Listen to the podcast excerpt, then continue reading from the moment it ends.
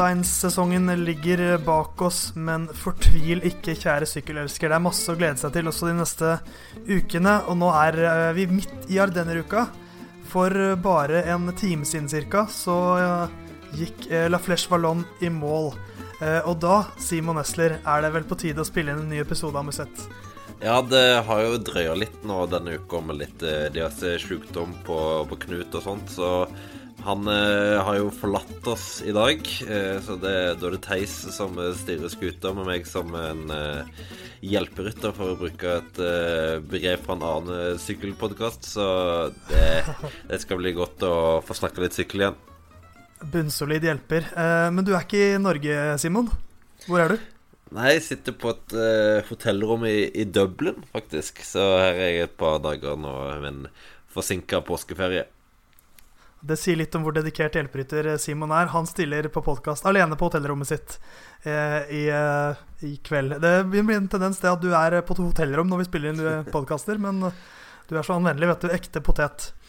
Men Simon, da har du også kanskje fått sett eh, finalen. Vi kan jo ta gutta først, i La Flèche Vallon. Eh, nettopp gått i mål. Julian Alaphilippe vinner for andre år på rad. Men han ble virkelig fulgt til eh, til døra, må vi kunne si, av eh, Jakob Folsang. Hva syns du om uh, finalen? Ja, Det er vel sjelden du ser at det er så jevnt over målstreken som det var, som det var i dag. Da var det jo nesten sånn at uh, hvis Fuglesang hadde hatt litt mer krefter, så kunne du omtrent fått bryt for et målfoto der, for det så ut som han var litt høyere fart helt på slutten. Så en uh, Det er en klassisk Flesh Vallon-finale. Det ender jo opp uh, Murdoui. Det er det som uh, avgjør det hele. Det er jo sånn det alltid er. Uh, nostalgisk å se Gjelle van Endert komme dundrende inn i front. Det var årets høydepunkt for min del. Og så viser jo alle Filip nok igjen at han er vårens store syklist. Jeg glemmer jo alltid at Gjelle van Endert fins før Ardenneruka oppstår. Og så ser jeg på startlista, og ja, han finnes fortsatt. Eh, men eh, som du sier, det var en, en veldig jevn eh, finale. Jevnere enn mange kanskje hadde trodd. Jeg syns jo Fuglesang så strålende ut, også, også i starten av, av, av Murdei. Og så var det jo han som tråkket til først. Og han sa jo selv nå nettopp i intervjuet med Dansk TV 2 at han, han trodde et, et, lite øyeblikk at han skulle klare å ta han på de siste 100 meterne. Men uh, Ala Filip, etter å ha ja, Vi skal ikke si, si han hatt en formdupp, men etter å ha rota det bort litt, de to, i Amstel Gold Race, som vi skal komme tilbake til, så uh, ble det en ny duell mellom de to. Han sliter litt med å få has på, på Ala Filip, eh, Fuglsang. Ja, det, er jo litt naturlig òg, all den tid Fuglsang er en notorisk eh, ikke-vinner, mens Ala Filip er har de kvalitetene som trengs for å vinne ritt. Han har denne raske akselerasjonen og finishen som Fuglsang ikke har, og som gjør at Fuglsang har haugevis med sterke plasseringer denne sesongen. Han har jo vært ekstremt bra, men har vel eh, to-tre to, seire, mens Alla Filip nå har eh, nærmere ti og har vunnet da San Remo og vunnet Flesh Vallon og etapper og etapper og etapper, så Alfa-Lippe er jo bare en uh, ja, vanvittig god enlagsrytter. Ja, nye kongen av av Amur Duhy, Valverde, har jo Han vant jo fire år på rad. Uh, og ble slått i 2018. Uh, I år ble han bare nummer 11. Uh, har kongen abdisert, Simon? Ja, det virker jo litt sånn Det er jo litt sånn nærmest surrealistisk å se en resultatliste fra Flesh Fallon uten Valverde topp 10. Han var utenfor uh, topp 50 i Amston Gold Race for første gang Første gang i alle ritt siden mai 2016. Så det virker som han er kanskje litt noen formdupp, men det kan jo òg ha en sammenheng med at han eh, kjørte Flandern rundt i år da, og prøvde seg litt der. At han kanskje endra litt i trening og litt i eh, Hva skal jeg si form plan, så det kan nok være at de forskyvningene der som gjør at han ikke er der han helt pleier å være. For han har jo vært litt svakere enn en normalt eh, denne vårsesongen, etter at han eh, for så vidt kjørte ganske bra i UAE Tour, men etter det har han ikke vært på sitt vanlige høye nivå. Ja, det er jo Han har jo ikke Hva skal man si Han åpnet jo ekstremt bra i 2018. Da hadde han jo nettopp kommet tilbake etter kneskaden under knebruddet under Tour de France og hadde trent veldig hardt i oppladningen bare for å trene opp på dette beinet igjen. Så det var jo litt av grunnen til at han åpnet forrykende i 2018, at han hadde trent ekstremt hardt inn mot sesongstart. Så nå har det kanskje vært litt mer uh, toppform som kanskje kommer senere. Og han har jo ikke, han har ikke vært dårlig, selv om han var langt bak i Amstel, så har han jo har levert, som du sier, jevnt også i vår, selv om seierne ikke har, har kommet. Men uh, en mann jeg vil trekke fram fra Fleshballon, tredjemann på, på podiet, Diego Lissi. Første gang han er på podiet også. Ja, altså UAE har jo et sterkt lag her. De har jo Daniel Martin, Rui Costa og Ulissi og, og, flere andre. Henao kjørte vel òg. Eh, men du, kanskje ikke Ulissi du tenker på i fremste rekke skal At det er han som skal kjøre resultatet for UAE. Men eh, ja. Han så veldig bra ut oppover, selv om han ikke helt klarte å følge alle for Lippe og Fuglesang. Men eh, en tredjeplass for han og, og laget i sin helhet er jo veldig bra. Spesielt når Dan Martin ikke helt eh, Helt hadde den toppformen en kanskje hadde håpa på. Og litt sånn apropos hva skal man si, en uventet rytter fra et lag som leverer resultat. Det var jo, som du nevnte, Gjelle van Endert var langt eh, framme inn i bakken foran Tim Wellens. Men bestemann fra Lotto Sodal, Bjørg Lambrecht, fjerdeplass. Eh, han er on fire for tiden. Ja, nå han har vel vært topp topp seks i de siste tre rittene med Brabantse Pile og Amstel og Flash Hold On, så han er jo i kjempeform. Eh, og dagens avslutning er vel, er vel kanskje den som passer han best eh, i, i World Tour-sirkuset, egentlig. For uh, han er jo fryktelig lett i roppen. Så en sånn mur som det her er jo veldig fint for han. Så en av, en av uh, flere rytter på gjennombrudds, gjennombruddslista vår som presterer bra for tiden, Theis. Ja, du, jeg, jeg, føler på mange måter at han var din mann. Uh, så du skal, ha kred der, Simon, for å ha troa på Bjørg tidlig. Men, uh, men, han er jo bare 22 år gammel. Uh, vi husker han jo fra Tour de Fjords i, i fjor, hvor han vant en etappe og ble nummer to i sammendraget. Så jeg er litt spent på hvordan Lotto Sodal møter vårklassikerne neste år. Når de har sannsynligvis fortsatt Velen og van Endert. Men det var Bjørg som så best ut i dag. Ja, altså hvis du da sier at Tishbinot fremdeles skal kjøre de rittene, så har du et veldig spennende lag. Eh, nå tror jeg nok For Vellen så vil jo Flashflodden aldri være ideelt, for han må angripe før i bakkene før for å kunne vinne, og det er jo svært sjeldent at det faktisk ender i Norge. Mens eh, hvis du tar de eh, da Vellens, Benot, Lambrecht og Van Endert sammen i Amstel og Liège, så har du jo veldig spennende kvartett som kan finne på veldig mye Veldig mye kult. Eh, litt sånn The Gunny Quickstep i brosteinsklassikerne type lag, egentlig. Så har jo Quickstep eh, Ala Filip, så de skal nok få brynt seg på han. Men uh, det blir spennende. Kvinnene syklet også La Flèche Vallon i dag. Og mens Alejandro Valverde sin seiersrekke stoppet etter 2017 på fire, så er det ei, en, en, viss verdensmester som fikk det til litt bedre hos kvinnene, Simon. Ja, det ble jo en uh, Kall det en ny duell som ligner litt på Valverde Alfalip eh, i prestisje, med van Fløyten og Anna van der Breggen. Og der var det Anna van der Breggen som da for femte år på rad uh, tok seieren i kvinnenes Flash Vallon, så det er jo For å uh, si som Lars Petter Norøy, det er bare å rive av seg hatten. Ja, hun, er, eh, hun har jo nesten ikke syklet på, på landeveien i år. Har prioritert mye terreng osv. Så, videre, så vi har jo nesten ikke fått sett henne. Hun var med i Amstel Gold Race.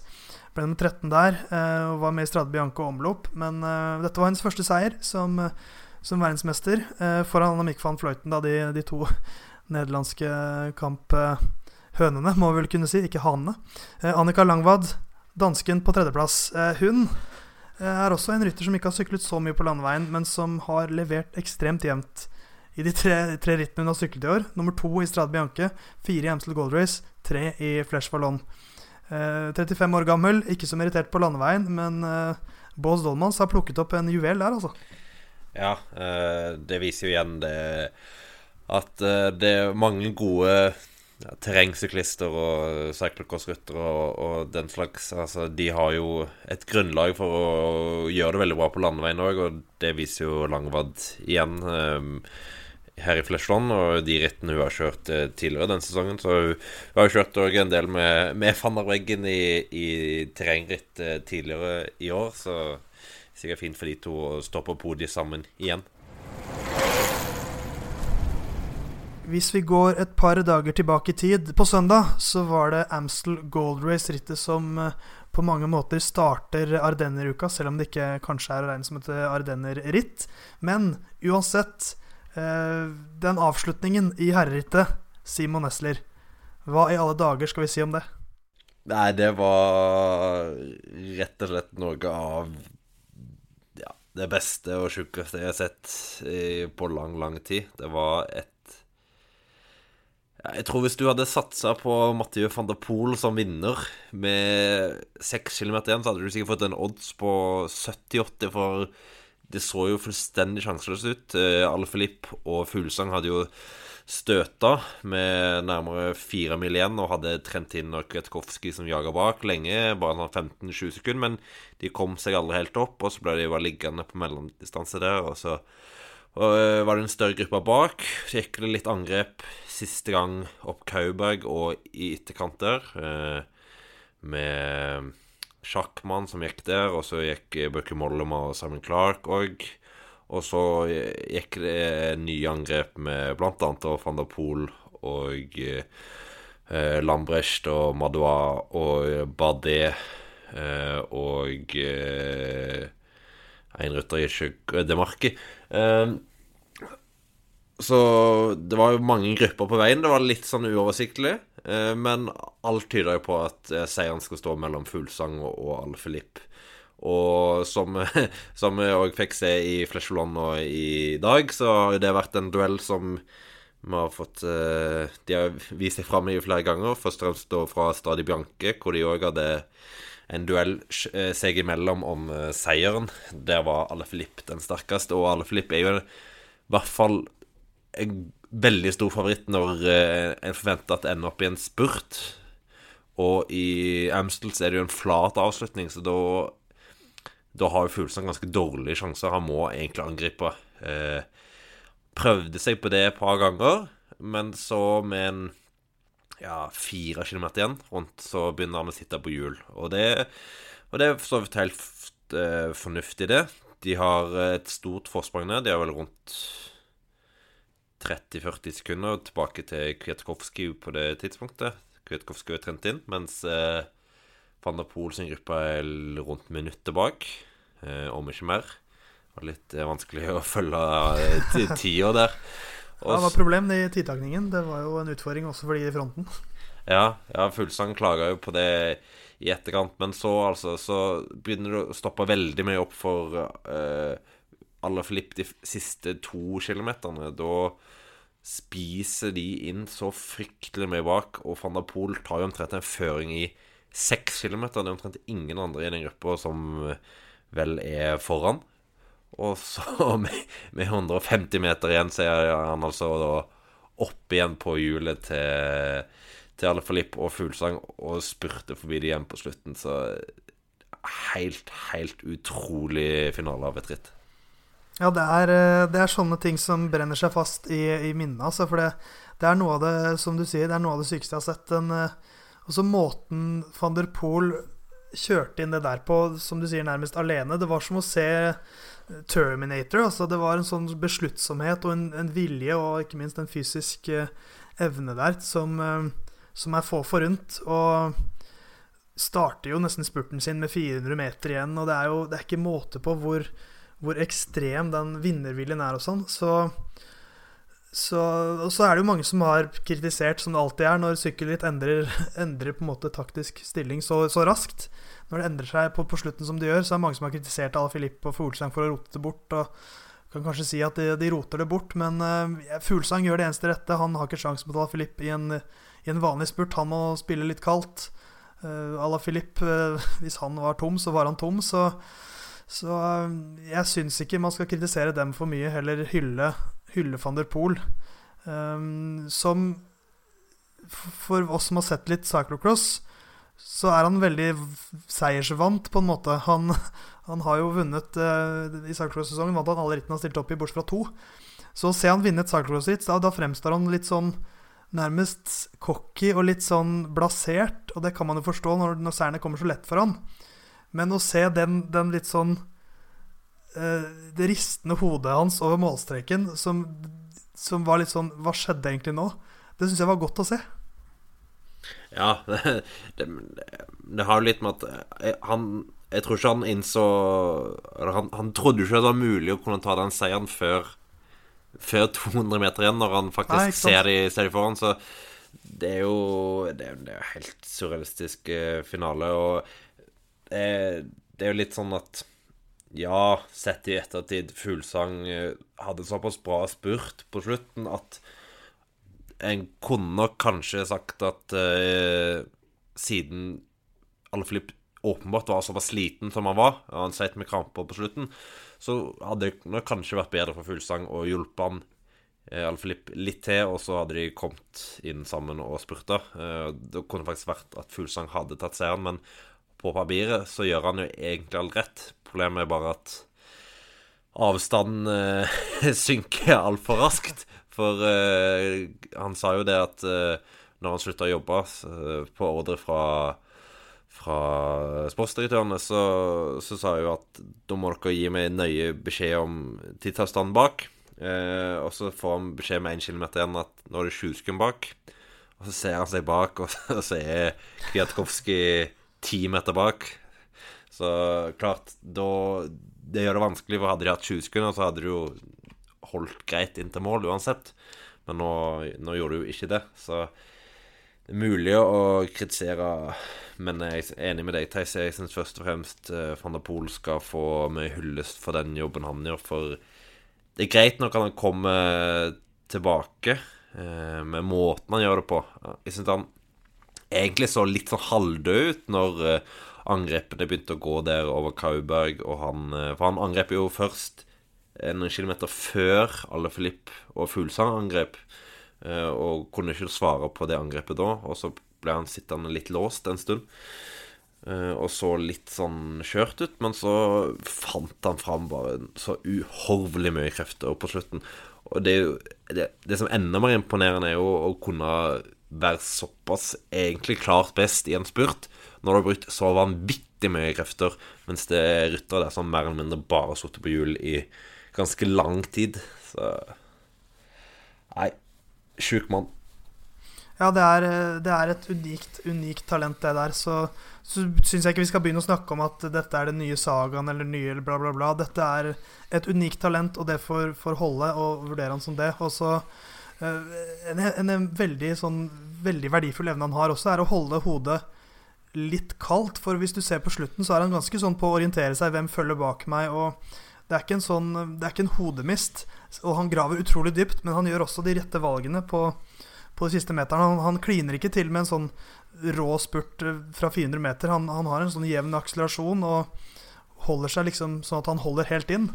Uh, og så holder han Simon Clark, som også er en for så vidt gledelig overraskelse, på andreplass like bak seg, og tar, uh, tar en ny seier. Så nå får han en, en fortjent rittpause. Jeg vet ikke hva neste ritt for han er, men uh, jeg håper vi får se mer av han i år. Nå vil han jo Nederland vil jo ha han med til VM nå, selv om det krasjer med cyclocross-sesongen. Så vi får se om han stiller opp der.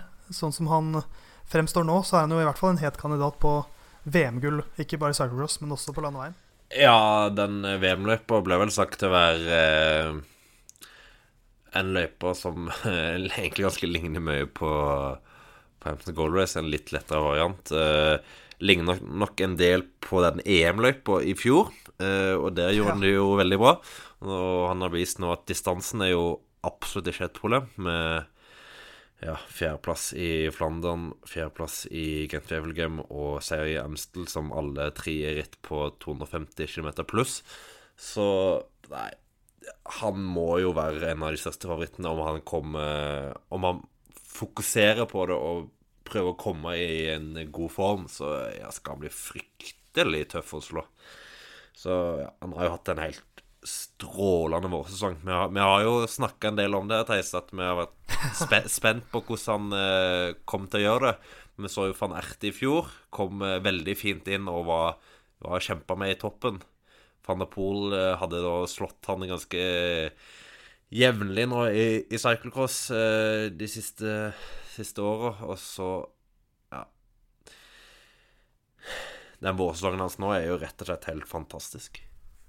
Ja, det er uh, utvilsomt en, en uh, ny verdensstjerne som har presentert seg. Han, usikkerheten lå vel kanskje litt på at han hadde ekstremferdigheter, det visste man veldig godt.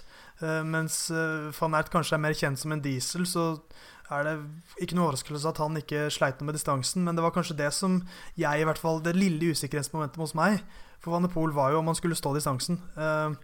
Men nå har han jo vist ved flere anledninger at han, at han så definitivt gjør det. Så det blir spennende å se fremtiden hans. Han har jo, Storlagene ligger jo selvfølgelig i langflate etter han har sikkert gjort det en stund, men han har jo kontrakt med Cornon Circus ut 2023, tror jeg. Og har vel altså sagt at ja, foreløpig så trives jeg der, så han Det er også litt, litt fint å se, syns jeg. Han, han har lyst til å fortsette å gjøre det han vil. Om det er å sykle cyclocross eller fortsette med OL fokus og, og, terrengsykling, eller kanskje droppe VM til og med for å sykle cyclocross, så, så, gjør han det han har lyst til. Så får vi bare krysse fingrene for at han har lyst til å sykle mer på landeveien, for det Gud, så underholdende det er å se han der. Vi fikk også en ganske så spennende finale i Amstel Gold Race, der uh, kvinnene også syklet uh, opp Kaberg. Der uh, angrep Kasia Neviadoma Eh, tidlig i bakken ble fulgt av Marianne Foss og Emilia Farlin. Eh, svensken dessverre fikk eh, trøbbel med, med sykkelen og stoppet helt opp. Og Marianne Foss hun knakk og klarte ikke å holde hjulet til polakken. Men over toppen så begynte Annemiek van Fløyten å avansere. Og hun var ikke langt bak polakken, Simon.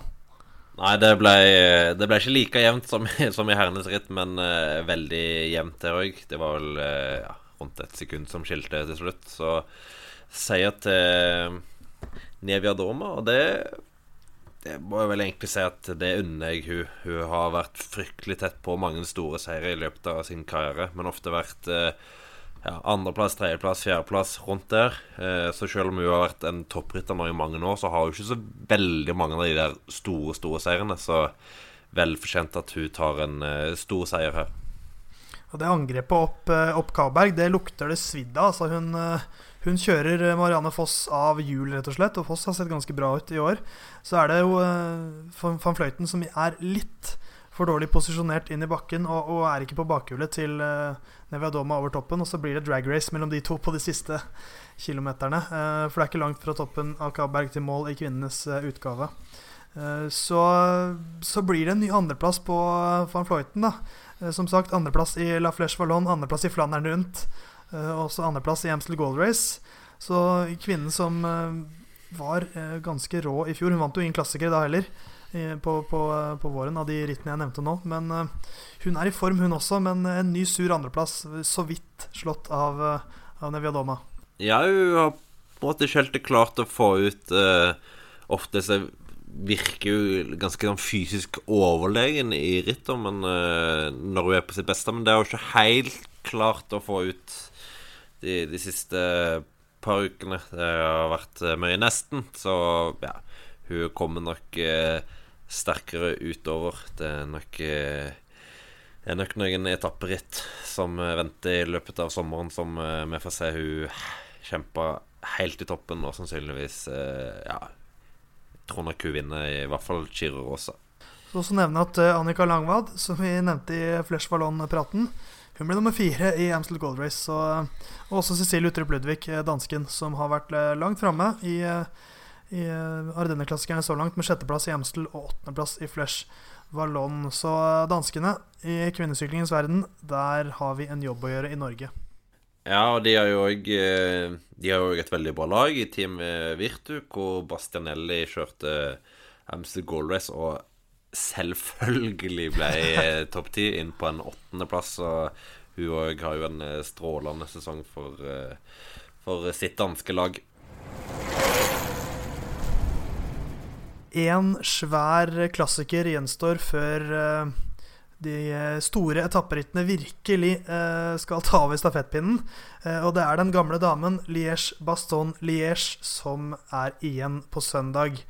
Doyenne har endret ruta si ganske drastisk i år. I hvert fall med tanke på hva det kan ha å si for utfallet av, av hvordan finalen utspiller seg. Og nå er det faktisk et ritt som begynner i Liège og slutter i Liège, slik det navnet eh, lover. Eh, hva skal vi si om, om, den nye finalen, Simon? Nei, det er jo litt åpnere, da. Eh, før hadde en jo sendt Nicolas og den eh, bakken opp til mål. Eh, og den har jo prøvd seg med den lille brosteinsbakken de eh, la inn for to-tre år siden. og nå er det jo egentlig lettkjørt siste 12-13 km. Den siste skikkelige bakken kom 15 km fra mål med korte deler Roche Auf Cons. Og så er det en liten sånn falsk flate type ting. En liten eh, stigning opp etter det igjen òg. Og så er det da utfor og flatt inn til mål. Så det gjør jo at det bør bli et åpnere ritt. Angrepene bør komme tidligere, og det er større sjanse for ryttere som eh, som har en god spurt, og at nok en del av de som da vil ønske å vente. Og da bør jo det òg gjøre at flere av de som ikke har en så god spurt, bør prøve å angripe tidligere. Så ja Om eh, det lykkes, det, det vet en jo ikke. Men eh, en ser jo Amstel Gold Race har jo hatt veldig stor suksess med å flytte målgangen vekk fra Kauberg i herrenes ritt. Så det er jo noe litt à la det vi ser her. Jeg, synes er, jeg er veldig positiv til den endringen. Jeg syns uh, Liège Baston Liège har blitt litt Jeg skal ikke si kjedelig de siste årene, men, uh, men uh, det har jo blitt litt forutsigbart. I fjor fikk vi riktignok en, en soloseier til Bob Jungel som gikk tidlig. Men det har jo veldig ofte vært at det har vært en ganske stor favorittgruppe som har kommet inn i, i den siste bakken opp mot, mot Ans, og så har det vært litt sånn støting, og så blir det en spurt mellom et par mann på, på oppløpet. Det har vært litt, sånn, litt for mye som blir avgjort på de siste to kilometerne. Så at det blir litt mer åpent. Jeg syns jo at um, Amstel Gold Race har jo virkelig lykkes med, med sin løypeendring. Nå er det ikke liksom uh, Cowbag Race, nå er det faktisk skikkelig, en skikkelig finale hvor ikke alt hviler på én bakke. Så um, jeg må si jeg er veldig positiv til, til endringen her. Men jeg syns fortsatt det stinker litt Julian Alaphilippe. Uh, spesielt når det også blir litt lettere for ryttere med en bra avslutning. Ja, altså Alaphilippe generelt sett er jo fryktelig vanskelig å slå i de rittene her. Han uh han er den beste oppover og en av de med aller best spurt, så han har jo mulighetene sine litt sånn uansett, egentlig. Så han eh, er vel den store favoritten nå på, på søndag òg, men eh, jeg regner med at Jakob Fuglsanger, som har vært i veldig god form så langt, han kommer til å ha en eh, sugende angrep, tror jeg. Ja, han er nok utvilsomt lysten på å, slå tilbake også. Han han lovet at han skulle prøve å unngå spurt mot en raskere mann eh, på søndag. Så, så, er det jo ikke bare bare å skulle kjøre fra Ala Filip heller. Men, eh, men han, jo, han, har jo vært en av vårens eh, store oppturer, syns jeg, eh, Jakob Fuglsang. Så tredjeplass i Amstel, andreplass i Flesh Wallon. Hvis han følger den formkurven der, så bør det jo bli seier i, i Liège. Men eh, det er mange om beinet. Eh, men skal vi si at de to er kanskje de største favorittene? De var jo de, de de sterkeste Eller de skilte seg ut i Amstel Gold Race, de skilte seg ut i uh, Flesh Vallon. Uh, selv om ingen av dem vant i Amstel Gold Race, så Og så slipper de å bry seg om Matti van de Poel i, uh, i Liège Paston Liège.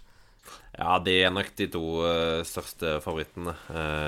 begge i strålende form. spørsmålet er vel for Fuglesang, som det alltid vil være for hans del, hvordan han skal, hvordan han skal vinne for å si det ganske enkelt.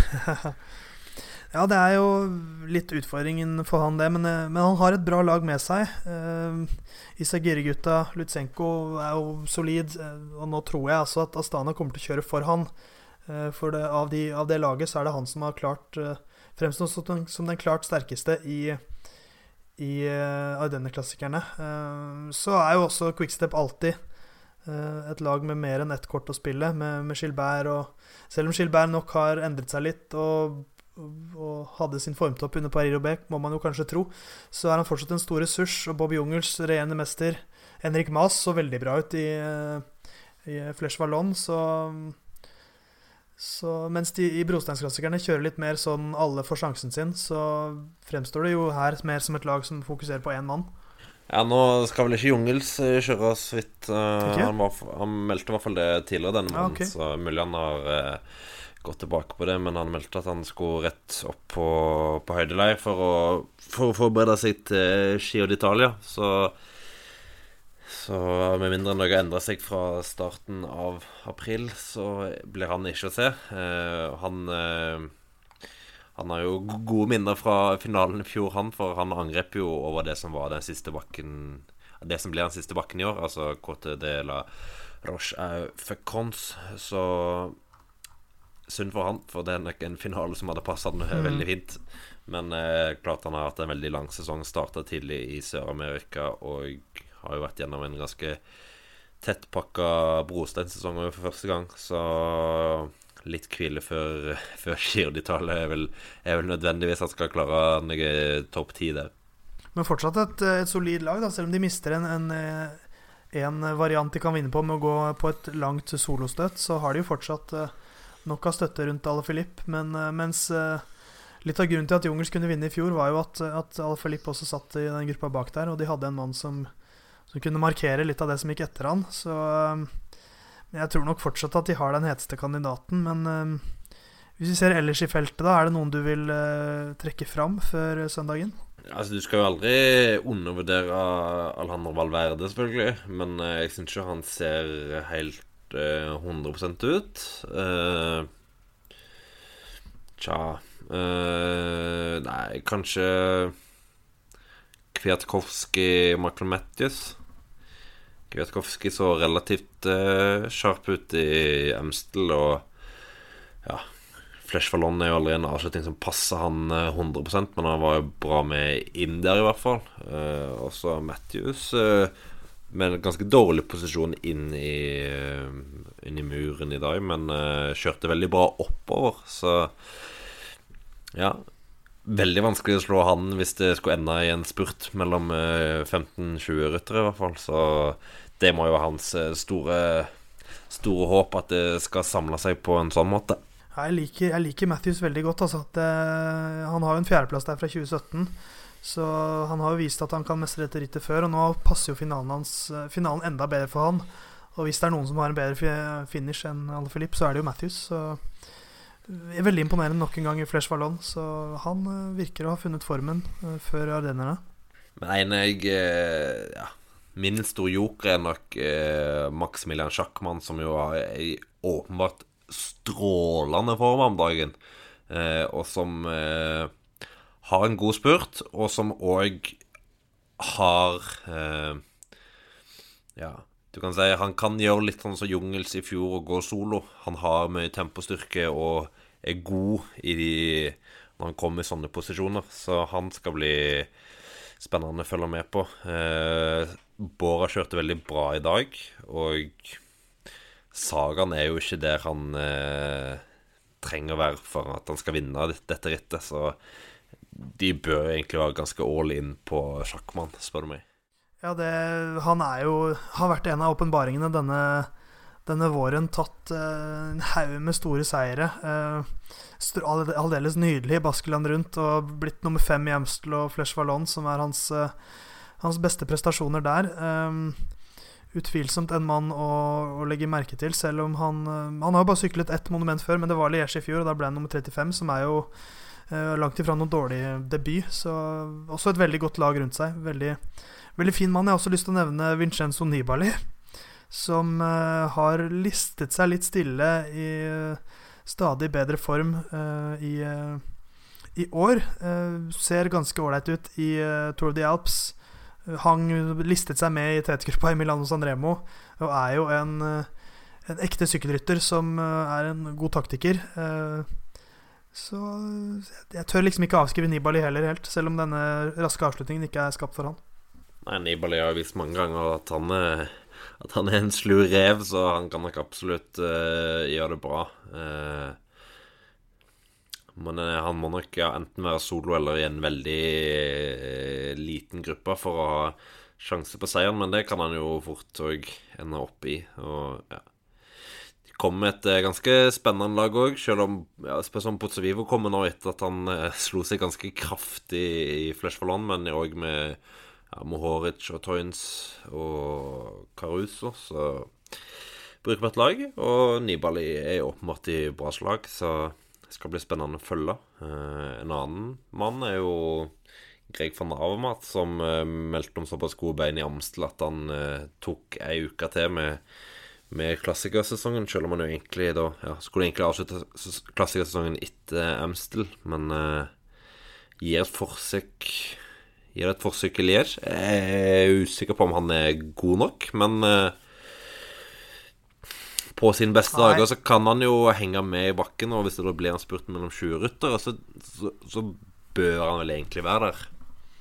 Ja, jeg syns det, det er absolutt en mann som man må, må nevne, men jeg syns jo også det lukter litt sånn desperasjon ut av eh, det her. At det er Ok, beina er sikkert gode, men eh, han vet jo også at han, han har jo veldig lite av resultater å vise til i vår. Det har vært eh, et par nesten eh, nestenganger i, i Brosteinsklassikerne, men det har ikke blitt noen stor seier, så det er hans siste sjanse i den delen av sesongen han liker aller best, eh, og der han som regel har mest å å komme til bords med også. Men eh, hvis formen hans er bra, så skal man ikke avs- avskrive han. Har jo en bra spurt. Eh, men apropos eh, noen som trenger et resultat. Eh, vi pratet jo tidligere i år om eh, denne spennende Ardenne-trioen til eh, Dimension Data med Kreuziger, Gasparotto og, og Mikael Valgren. Eh, Valgren har jo vært helt natta i hele år. Eh, Gasparotto ble riktignok nummer ti i Flesh Ballon. Mm, og har jo kanskje sett har ålreit ut. Eh, Kreuziger veltet eh, og fullførte ikke Flesh Ballon, men jeg tror ikke det går så aller verst med han, så jeg regner med at han stiller i Liège. Men det trehodede trollet der ser stadig mindre truende ut, syns jeg, altså. Ja, veldig. Eh, det var kanskje Valgren en hadde størst forventninger til etter den eh, fjorårssesongen hans. Eh, og en så liksom litt tegn på at han var på stigende form, i hvert fall. Nærheten av å finne han ikke ligner på form mot slutten av de flamske klassikerne. Eh, og så sto han jo over på Robert og skulle jo sånn sett få relativt bra med tid til å komme seg i noe som ligner på god form, men ja, utenfor topp 50 i Amstel og ja, 100.-plass i dag, så Flesland riktignok ikke et ritt som eh, passer Valgren, og kommer nok heller aldri til å passe han, eh, men eh, ja Jeg tror nok ikke Valgren kommer til å gjøre det bra i Liège heller. Riktignok et ritt av noen eh, to ganger som U23-ritter, men det er nok rett og slett litt for hardt for han. Og da er det Gaspotto som nok blir Blir deres eh, største sjanse. Men eh, Nei, det hele laget der er jo litt for eh, Litt underpresterende for øyeblikket. Men hvis Simon, at vi skulle tippet en, en vinner av Liège Baston Liège, så vil jeg jo tro at ingen av oss går for en Dimension Data-rytter da. Slik det høres ut nå, i hvert fall. Eh, men vi kan jo forsøke å velge en vinner eh, i søndagens Ladoyen. Eh, har du en klart i hodet? Ja, men da Det holder jeg på eh, sjakkmann som vinner. Kan vinne både en eh, spurt og kan vinne solo. Så eh, det hadde vært kult om han kunne gjort det i en sesong hvor han allerede har tatt veldig mange store seire for, han, for hans del. Det hadde vært en Det hadde jeg likt veldig godt. Sjakkmann får jeg bare mer og mer sansen for. Så, og jeg syns jo denne sesongen viser litt at, eh, at eh, form er eh, viktig. Det er alltid Altså, ryttere som er i form, selv om de kanskje er litt sånn ikke har vist så mye det rittet før, det viser seg alltid at de gjør seg gjeldende. Så jeg har tenkt å velge litt en outsider, jeg også. Um, som er nok en rytter som må gå solo. Så jeg, ser på en måte ikke helt hvordan han skal vinne. Men jeg går allikevel for Adam Yates. For det er en mann som har eh, imponert meg veldig i vår. Han kom ikke til mål i La Flèche Ballon. Han var veltet, men det så ut som det gikk eh, ganske bra med han, så jeg tror ikke han er preget i for altfor stor grad. Eh, Men etter at Simon Yates har stjålet showet litt i fjor, så har, eh, har Adam virkelig klinket til. Har vunnet flere store etapper. Vært nære på å vinne store etapper hit også. Andreplass i Catalonia, andreplass i Tireno. Og er nok lysten på å ikke havne i skyggen av sin bror, så jeg går for en outsider. Jeg, det er mitt. Den, eh, den, så jeg ærlig talt ikke helt komme, så Nei, sjokk, eh. sjokkvurdering fra Theis Milesen. Ja. Nei, men eh, klart, han har jo kvalitetene som skal til for å kunne vinne et ritt som det, så Men som du sier, kan nok gå litt sånn under Litt under radaren, egentlig, fordi han ikke har kjørt noen av Ja de andre klassikerne, egentlig. Han har kun kjørt etapperitt før, før Flesh Fallon, så da er nok han er nok ikke den som er i toppen uh, I toppen uh, av hodet til Alle Filip og Fuglsang og, og den, de gutta der. Nei, Håpet mitt er nok at han tar litt en sånn Betiol-aktig variant som han gjorde i Flandern. At han er i veldig bra slag uh, og er en som de bør, bør, frykte, men ikke gjør det i så stor grad som de kanskje bør. Men som sagt, jeg ser på en måte ikke helt hvordan han skal vinne, men nå har jeg valgt han, så, så klin til, Adam. Du må redde æren min. Kvinnene skal også sykle Liège-Baston-Liège for bare tredje gang. 138,5 km starter i Baston og går i mål i Liège. De har samme finale som eh, gutta. Um, og Simon, det er jo ofte slik i Ardenneritten at det er mange av de samme rytterne som gjør seg gjeldende. Eh, vi tror vel at det gjelder eh, både hos herrene og kvinnene i Liège. Ja, det, det, gjelder jo ofte i større grad for kvinner òg, all den tid bredden i toppen er, er, litt mindre. Så det vil nok absolutt være tilfellet. Da har du ja, van der Breggen, van Fløyten eh, Og eh, ja, så kommer vel Utrup Ludvig og Nevia Dolma er jo i bra slag, utvilsomt. Ja, så Ja, det er nok de samme gamle der. Eh, så ja. De òg da altså i målgang inne i Liège, så det gjør jo at rittet deres òg får en litt annen finale. Eh, for kvinner så det, gjør vel det kanskje i større grad at det er mulighet for å bli en, en eh, massespurt, tror jeg. Eh, for der jeg føler ofte han tendens til å samle seg litt igjen når, når det blir et stykke inn til mål. Men det skal bli, skal bli spennende å se. Eh, forhåpentligvis med en norsk deltaker på start. da Nå hadde vi ikke Katrine Aalerud på start i Fresh Ballon.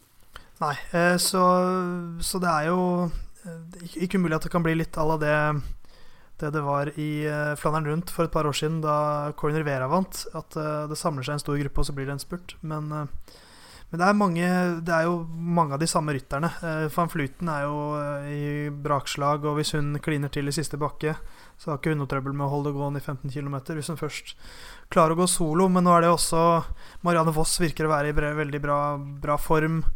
Um, Anna van de Breggen har, uh, er tilbake. Hun har vunnet dette rittet to år på rad, så, så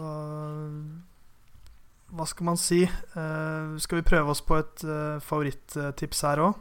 Ja, der Briggen virker til å være i veldig bra form, uh, så jeg tror jeg tenker at det er det, det er mitt tips. hun Ja, som du sier, hun har gjort det bra her før, og har vel kanskje en hakket bedre spurt enn en van Fløyten òg, hvis, hvis, de to skulle komme alene til mål. Så og det er jo for så vidt relativt realistisk, det. Så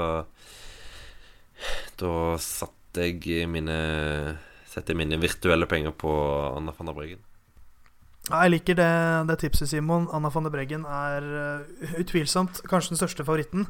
Men jeg har lyst til å velge Emilia Fallin, uh, den svenske mester, med et lite forbehold. Vi vet ikke om hun stiller til start, fordi at startlista så langt er særdeles lite komplett. Men hvis FTSjø tar med den svenske mester, som var veldig bra i Amstel Gold Race Hadde det ikke vært for uh, mekanisk trøbbel, så hadde hun blitt uh, Jeg tror hun hadde vært på podiet, for hun endte til slutt som 15. 15. beste rytter. Uh, har en bra spurt, så hvis det samler seg mot slutten, eller hvis hun kommer i en liten gruppe, så er Emilia Fallin veldig vanskelig å ha med å gjøre. Så jeg tror hun tar det i debuten sin. Nok snikksnakk om klassikere. Eh, vi skal eh, fokusere litt på norsk uh, sykkel nå. Uh, den norske sykkeluka som uh, har vært, og som kommer. Simon, Tobias Foss har fortsatt, fortsatt, å vise god form. Ja, det, begynner å bli en gjenganger, det. Det. har vel passert nå Jeg tror jeg talte det opp her eh, i helga. Jeg tror han er oppe i nå elleve topp ti-plasseringer rundt der. I hvert fall passert ti. Så en strålende sesong for han så langt. Eh, og ja Tredjeplass da altså i U23-utgaven av Liège-Baston-Liège. Eh, etter et strålende lagarbeid av eh, av UnoX, hvor de satte han opp med et hardkjør inn i den nest siste bakken der. Så bra jobba av ja, Sleden og Iversby Widerberg og Leknesen var òg med i gruppa der. Eh, og der angrep Foss. Fikk med seg én mann eh, og kom seg opp til bruddet. Eh, der var det kun én av de fire som var i bruddet, som klarte å henge seg på. Og så kommer det opp én til, og i den siste bakken så, så datt han som var i bruddet av. Så da var de tre mann inn mot mål, og ja Foss er jo ikke kjent for å være en ekstremt god spurter, eh, så han fikk jo ganske grundig bank, egentlig, i denne spurten. Ganske langt bak, med inntil en tredjeplass. eh, Og nok et eh, strålende resultat i en vårsesong som har vært veldig bra for han. Og nå tar han jo eh, nullstiller litt før det blir fokus på etapperitt utover mai og sommeren. Så en eh, nydelig vårsesong som krones eh, med en tredjeplass der fra Foss. Joker Fuel of Norway sin vårsesong fortsetter eh, på torsdag denne uka med Tour de Bretagne, et ritt de har gode minner fra. Der vant jo Herman Dahl bl.a. åpningsetappen i fjor. Samme mann er med Joker Fuel of Norway dit i år. De sykler også med Ole Forfang, Henrik Evesen, eh, Herman Dahl, da, Bjørn Tore HM, Ludvig Holstad og Øyvind Lukkedal. Så de skal eh, til Frankrike igjen og jakte seier i det syvdagersrittet. Um, Katrine Aalerud, Simon, hun uh, har vært uheldig igjen. Ja, jeg nevnte det så vidt at hun ikke stilte i Flash for Lond. eh, Et ritt som av de tre av denne klassikerne er det rittet hun har klart størst sjanser i. Men velter da igjen i Amazon Gold Race, akkurat som i fjor. Eh, Ikke en like alvorlig velt i år, men eh, nok til at eh, da ikke rakk eh, Flesh for Lond. Forhåpentligvis eh, så rekker hun å være med i Liège på stand Liège. Men eh, hun er jo litt Litt forfulgt av uhell, dessverre, godeste Ålerud. Det er hun utvilsomt. Eh, ikke den eneste norske rytteren som er det. Carl Fredrik Hagen fortsatt eh, eh, uflaks. Uh, skulle egentlig sykle Tyrkia rundt. Uh, det røyk pga. en uh, mageinfeksjon.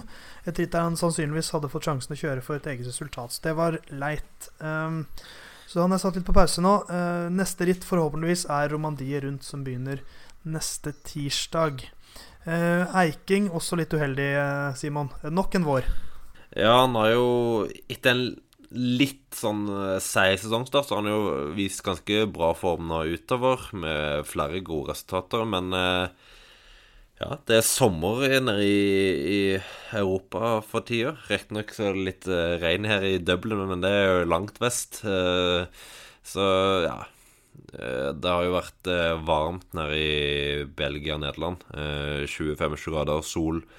Pollensesongen i, i full sving, og det har nok gjort at Eiking har vært litt svekka nå i både Amstel Gold Race og Flash Fallon, hvor han har vært ganske langt bak der han eh, hadde håpet å være. Han håpet jo å få en topp ti-plassering i et av de rittene her, men har ikke helt vært i nærheten av det. Eh, Både han og August Jensen har kjørt begge de to rittene her nå, men de har ikke, ja, de har ikke gjort så veldig mye ut av seg.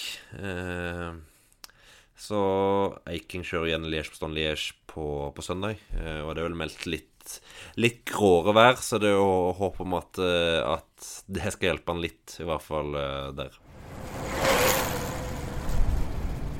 Simon skal snart få reise ut i vakre Dublin og utforske byen på sin ferie. Men før du får lov til det, Simon, så har du en rød lanterne du skal få dele ut til noen som fortjener litt kritikk. Ja, eh, vi hadde jo da altså Flesh for London i dag. Vi har Liège Bastogne Liège eh, på søndag. Eh, og begge de to ritta er en del av eh, kvinnenes eh, worldtour, i likhet med herrenes worldtour. Men vi får altså ikke se eh, en egen eh, dedikert sending fra verken eh, Flashfallon eller Liège-Bastogne-Liège for damene. Eh, det er ASO som styrer begge de to rittene, og kvinnene har jo denne sesongen egentlig hatt eh, De har nesten hatt full dekning av alle ritt som har blitt eh, kjørt. Mye enten, ja, enten TV eller uh, rett og slett mer litt sånn lokale YouTube-streams og sånt. Men uh, til Flesh Fallon og Liège Bastogne Liège, to av de største rittene på kvinnekalenderen, arrangert av ASO, som jo er et fryktelig stort selskap, så klarer de altså ikke å få i stand en stream. Det er bare Eneste du får, er 20 sekunder på toppen av uh, av eh, målgangen. Det er, det er fryktelig svakt av, eh, av, en så stor aktør som ASO å vise så lite ja, hva skal man si eh, velvilje, og at de følger med i tiden. For kvinnesyklingen er på full vei oppover. Da er det svakt å ikke kunne i hvert fall gi en halvtime på slutten der med, med litt TV-sending. Ja, det er eh, bare å stemme i for meg. Altså det, det er helt uforståelig at de ikke skjønner at det er verdi og, og, og riktig å vise kvinnene også. Så bare skjerpe seg. Ja, jeg tror ikke så mye mer å si enn det. det Altså ASO er selvfølgelig en, en gjennomkommersiell aktør, så de, de, styres jo av det. Men eh, når du først skal ha, ha, ritt på dette nivået, så får du gjøre det skikkelig. Og da, da må du få noe som er En dekning som er rittet verdig. Så over til litt eh, lystigere ting. Eh, du, vi, ja, vi må jo avslutte på en uh, god tone, Theis. Ja, jeg syns det. Um, og jeg skal gi en, en et, et, rødt startnummer nå til et kollektiv som jeg syns fortjener å nevnes. Som ikke er sykkelsportens mest populære kollektiv, men jeg syns allikevel at dette er noe de fortjener litt skryt for.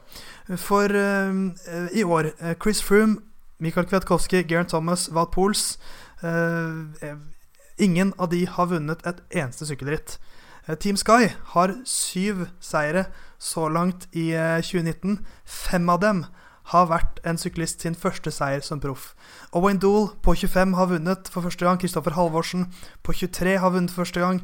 Filippo Ganna på 22 har vunnet for første gang. Theo Gegenhardt og Pavel Sivakov har nettopp tatt sine første seire i Tour of the Alps. Eh, og de to andre seierne fra Team Sky kommer fra Egan Bernal og Dylan van Barle på henholdsvis 22 og 26 år. Så det vil si at uh, av de, de, syv seierne som Team Sky har tatt i år, så er snittalderen på 23,3 år. Uh, så det, det vordende Team oss, de har uh, gjort et eller annet riktig med unggutta sine, og gir dem sjanser også i denne sesongen, som jeg syns er gledelig å se. Eh, for et lag som får mye negativ oppmerksomhet, men akkurat det her syns jeg de skal ha skryt for. Ja, det, de skal absolutt ha skryt for det. Eh, som du er inne på, de etablerte stjernene Sky har jo egentlig levert ganske dårlig i år. Eh, og det er jo Ja. Det er jo De har all grunn til å være skuffa over sesongen, egentlig. Men eh, unggutta har uh, gjort det veldig bra igjen, så det er jo veldig må være veldig gledelig å se. Nå investerer de jo veldig mye, mye penger i, i, å hente noen av verdens største talenter òg, så sånn sett er det vel kanskje litt sånn som det skal være. Men det handler òg om at når du har så mange etablerte stjerner, at, eh, at, de får muligheten til å ja, ta de seirene. Så veldig, veldig mye bra for ungguttene i Sky.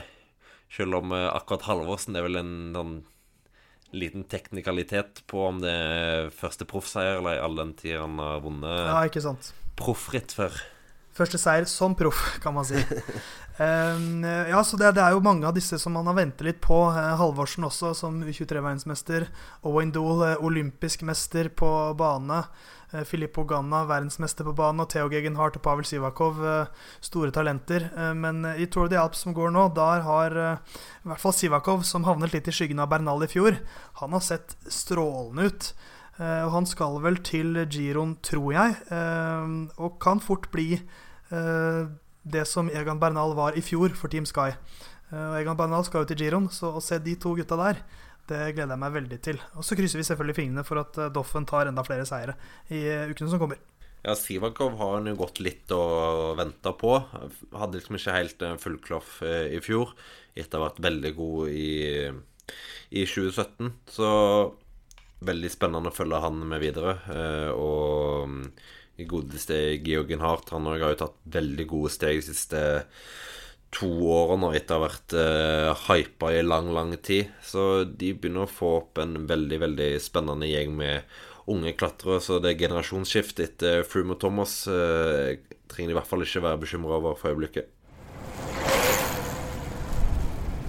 Og der var uh, procycling.no sin Musett-podkast ved veis ende for denne gangen.